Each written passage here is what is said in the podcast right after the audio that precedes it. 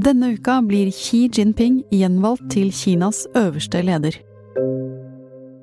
Kanskje fordi han er så populær og alle elsker ham?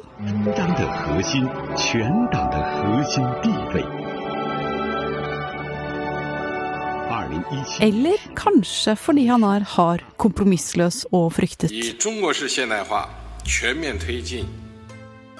Det kinesiske kommunistpartiets partikongress åpnet søndag og pågår fortsatt. Alt tyder på at den avsluttes med at Xi får befestet posisjonen sin som den mektigste mannen i Kina siden Mao Zedong. Men Xi gir seg ikke med det. Du hører på Forklart fra Aftenposten. Det er onsdag 19. oktober, og jeg heter Marte Spurkland.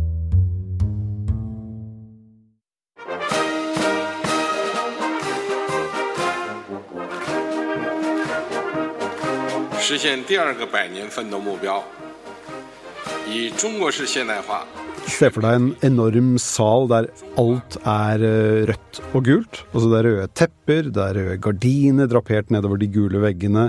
Eh, alle menneskene som sitter i salen har på seg røde slips.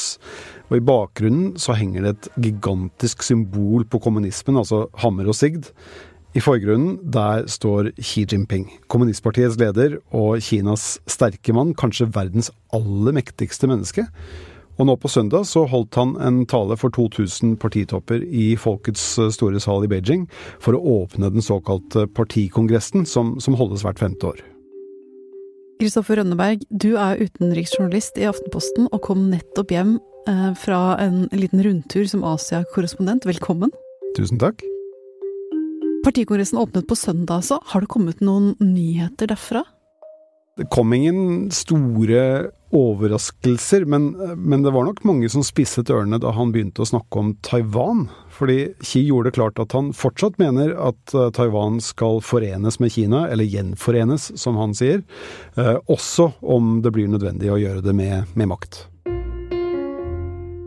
Men selv om Xi strålte som en kommunistisk sol i rødt og gull, så har det vært litt murring i dagene før kongressen. Det har vært noen kinesere som har vært ute i gatene og gjort det tydelig at de ikke liker alt Xi driver med. Det skjedde én ting som, eh, som, vi ikke er vant til å se i, eh, i Kina, og det var et, eh, sånn fysisk uttrykk for, for misnøye. Eh, altså Kina er jo et av verdens mest undertrykkende land, og de tillater, tillater jo ikke at folk er ute i gatene og protesterer. Men rett før denne partikongressen så eh, var det en demonstrant som hengte opp to bannere fra en gangbro i, i Beijing. Og på det banneret så ble det rettet direkte kritikk mot, mot Xi Jinping og mot politikken han, han har ført. Og Dagen etterpå så sto det politifolk på hver eneste gangbro i Beijing. Og samtidig så ble ord som bro og modig og Beijing eh, sensurert fra kinesiske sosiale medier. Uh, altså, denne fyren på broen er jo selvfølgelig ikke den eneste som er uh, misfornøyd i, i Kis uh, Kina. Men de fleste de holder det for seg selv av hensyn til egen sikkerhet og, og, og frihet. men vi har sett en del tilløp til misnøye det siste året, spesielt i Shanghai og en del andre steder som har blitt stengt ned pga. nulltoleransen Xi har for, for koronaviruset. Um, men det er ingenting som tyder på noe annet enn at myndighetene har, har, god kontroll. Og det har de fordi de bruker enormt med ressurser på å beholde den, den kontrollen. Den siste tiden har det kommet fram at en del kinesere er misfornøyde med koronarestriksjoner som har vært harde og rammet mange ganger, og med landets økonomi.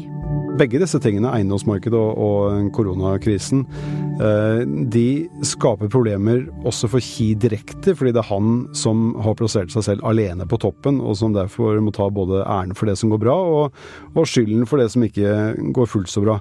Så hvis, hvis det blir krise, full krise, så, så vil han tape både ansikt og, og, kan se for seg å bli utfordret av andre partitopper, med, med mindre han klarer å finne en måte å skyve denne skylden over på noen andre på, da. Ja, altså noen andre må gå istedenfor ham? Ja, det er jo en, en, en, løsning som diktatorer ofte finner på, på utfordringer som det her. Partikongressen som holdes i Folkets store sal ved Den himmelske freds plass i Beijing, startet også med at Xi ble klappet inn av 2300 delegater til tonene av korpsmusikk. Og kongressen er ikke avsluttet ennå. Den siste dagen er trolig lørdag. Det som aller mest sannsynlig vil skje mot slutten, er historisk. Denne er spesiell fordi Xi nå skal bli gjenvalgt, eller gjenutpekt, eh, til en tredje femårsperiode som, som leder for kommunistpartiet. Vanligvis eh, så har man nøyd seg med to perioder, og så utpeker man en kronprins etter den første perioden. Eh, og Så sitter man i ti år, og så har man sørget for at kronprinsen da har fått fem år til å forberede seg på. Og nå er det ingenting som tyder på at Xi har funnet en kronprins, og det er heller ingenting som tyder på at han har tenkt å gi seg som partileder. Og dermed så får han en ny femårsperiode, og det er noe vi ikke har sett siden, siden Maos tid, og Mao døde i 1976. Så det er, det er ganske unikt det Xi, Xi gjør nå. Xi er nå den mektigste lederen Kina har sett på over en generasjon, og han strutter av selvtillit. Det så vi på den talen hans på søndag også. Og den selvtilliten, den eh, kommer nok verden til å få merke konsekvensene av i, i tiden som kommer. For Xi har ett mål. Han vil gjøre Kina til verdens mektigste land. Mye mektigere enn USA og Vesten, så her, eh, her er det bare å spenne sikkerhetsbeltene.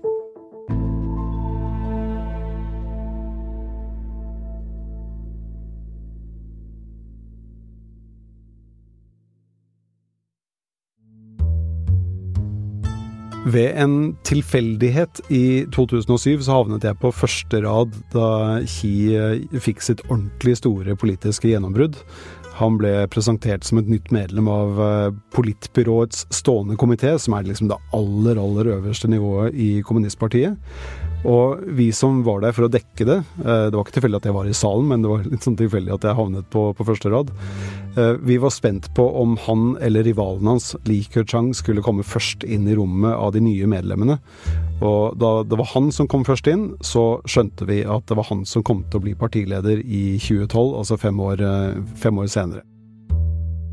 Da var han blitt kronprins. Og hvordan fremstår han sånn ellers? Oser han av makt?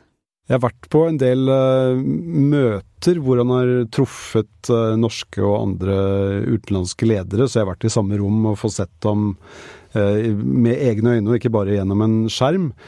Og jeg kan ikke si at han oser av karisma, eller eh, at han, eh, at han fremstår som en, eh, som en mann som, som, har veldig stor utstråling. Altså Han har jo enorm makt, og han møter gjerne folk i store rom med, med stor takhøyde, hvor, hvor, det er mange symboler på makt. Men i seg selv så er han, han er ganske stiv, og han, han utstråler ikke varme. Han han, han, holder alle på avstand, er mitt klare inntrykk. Han er veldig oppmerksom på hvordan han fremstår, og at han ikke skal gi for mye av, av seg selv. Så det er ikke pga. karisma og superstjernekvaliteter at Xi har nådd til topps, men han begynte tidlig å klatre. Faren hans var en av lederne den gangen det kommunistiske partiet ble stiftet, så han hadde innflytelse. Så ble han etter hvert fjernet fra maktens sirkel, men etter at Mao døde, kom han inn i varmen igjen i partiet. Og fra da av flyttet Xi seg steg for steg oppover på maktstigen. Først ble han guvernør i flere provinser, så ble han partisjef i Shanghai, og i 2007 gikk han inn i partiledelsen og ble altså kronprins. Fra 2012 var han leder for det hele. Og nå sies det at han er den mektigste lederen i Kina siden Mao. Kristoffer, hva betyr det? Tidligere så har kommunistpartiet styrt uh, som en komité. At du har hatt uh, denne stående komiteen på toppen med syv eller ni medlemmer som har uh, regjert litt i samråd med hverandre. Mens nå uh, har man denne ene mannen som sitter på toppen alene. Og det var akkurat det Deng Xiaoping, altså Maos etterfølger, prøvde å unngå etter at Mao døde. Han satte inn masse ordninger og systemer for å forhindre at man skulle få persondyrkelse og én mann alene på toppen. Uh, det har Xi i løpet av sine år ved makten bare uh, kastet fullstendig på skraphaugen og sagt at sånn, sånn skal vi ikke ha det. Her er det jeg som styrer, og jeg alene. Og å beholde plassen på toppen, det koster. Særlig for Kis rivaler. Ki begynte veldig tidlig, nesten med en gang han fikk eh, makten eh, som partiformann i 2012, med en såkalt antikorrupsjonskampanje. Og det er jo veldig populært. Ingen vil ha korrupsjon, så han møtte ikke noe særlig motstand da han lanserte denne kampanjen. Snarere tvert imot. Men så viste det seg at mange av de han fikk fjernet for korrupsjon, det var jo folk som også var rivaler i partiet. Og I 2014 så så vi Joe Yong-kang, som var den tidligere sikkerhetssjefen i partiet, eller ansvarlig for nasjonal sikkerhet. Han ble arrestert og dømt for korrupsjon. Og det var en mann man trodde var helt eh, urørlig, at han var for høyt oppe i systemet til å kunne tas. Men da viste Ki at selv ikke denne fyren var, eh, var trygg for, for Kis vrede. Og etter den, eh, etter den, hendelsen så har det vært flere tusen mennesker som, som har blitt arrestert og fengslet for, for, korrupsjon, og Ki har på den måten sørget for at alle som kan tenkes å være rivaler eller fremtidige rivaler, at de heller ikke lenger er en trussel. Så de er ikke korrupte på ordentlig? Altså er korrupt bare et annet ord for upopulær hos Xi? I et diktatur som Kina så er det vanskelig å komme seg noen vei uten å være korrupt. Så å drive en korrupsjonskampanje, da kan man egentlig gå etter de fleste. Så kan man enten finne noe, eller så kan man finne opp noe. Eh, og dermed så er det avgjørende hvem man velger. Fordi i, i virkeligheten så kan alle, alle være et mål. Men hva skjer da hvis man blir ryddet bort? Hva, hvordan, hvordan, går livet videre? Ja, livet går videre på en liten plass med dårlig lys, i en eh, celle som regel. Eh, flere av de toppfolkene som er dømt, de er dømt til livstid. Eh, noen av dem er dømt til, til døden, selv om det kommer til å bli omgjort til, til livstid. Så det er harde straffer hvis man, hvis man anses som en som kan true Kis makt. Men for å vinne folket bruker ikke Ki bare makt. Han kan også bruke hjerter og dans og sang.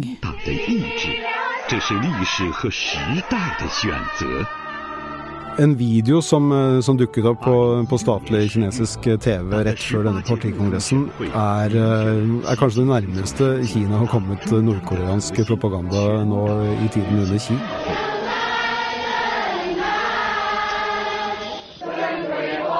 是人民的心声。Her ser man uh, den store leder eh, Xi Jinping med, med barn. Man ser folk i folkedrakter som, uh, som, samler seg rundt ham og danser og hyller ham.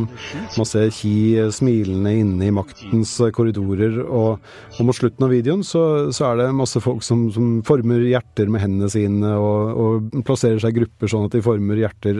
Det er, det en sånn surrealistisk video som, som man trodde at Kina ikke, ikke lenger laget. Men det, det gjør de altså. 决定性意义。Sånn gøye og engasjerende uttrykk også, for å, for å bygge sin egen status? Han bygger et eh, nasjonalistisk Kina hvor han er landets eh, store far. Altså han er Xi Dada. Han er eh, den som skal ta landet fremover og, og sørge for at alle er trygge. Uh, og det, det, det viser propagandaen veldig tydelig nå. Så hvor populær er han egentlig, da? Ute hos folket? Det er vanskelig å vite hvor populær Xi er, fordi i et lukket diktatur så kan du ikke ha meningsmålinger som, som vi har eh, her.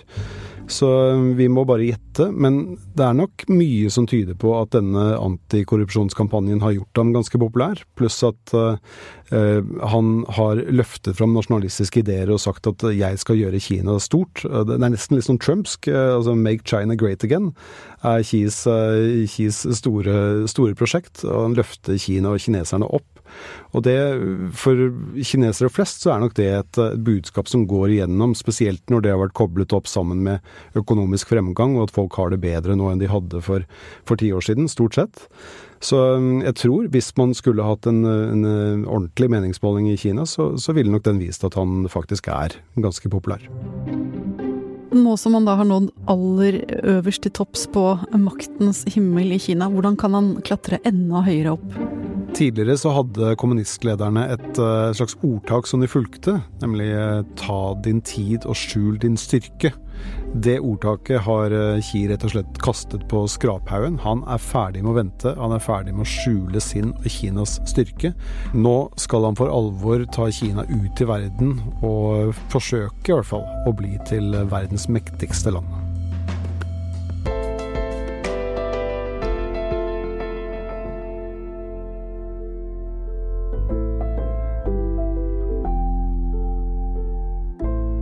Du har hørt Kristoffer Rønneberg fortelle om hvordan Xi Jinping er blitt enda mektigere. Det er produsent Jenny Førland og jeg, Marte Spurkland, som har laget denne episoden. Du har hørt lyd fra AP og fra kinesisk statlig propaganda som er delt på Twitter. Resten av Forklart er Synne Søhol, Marit Eriksdatter Gjelland, David Vekoni, Fride Nesten Onsdag, Anne Lindholm og Anders Weberg.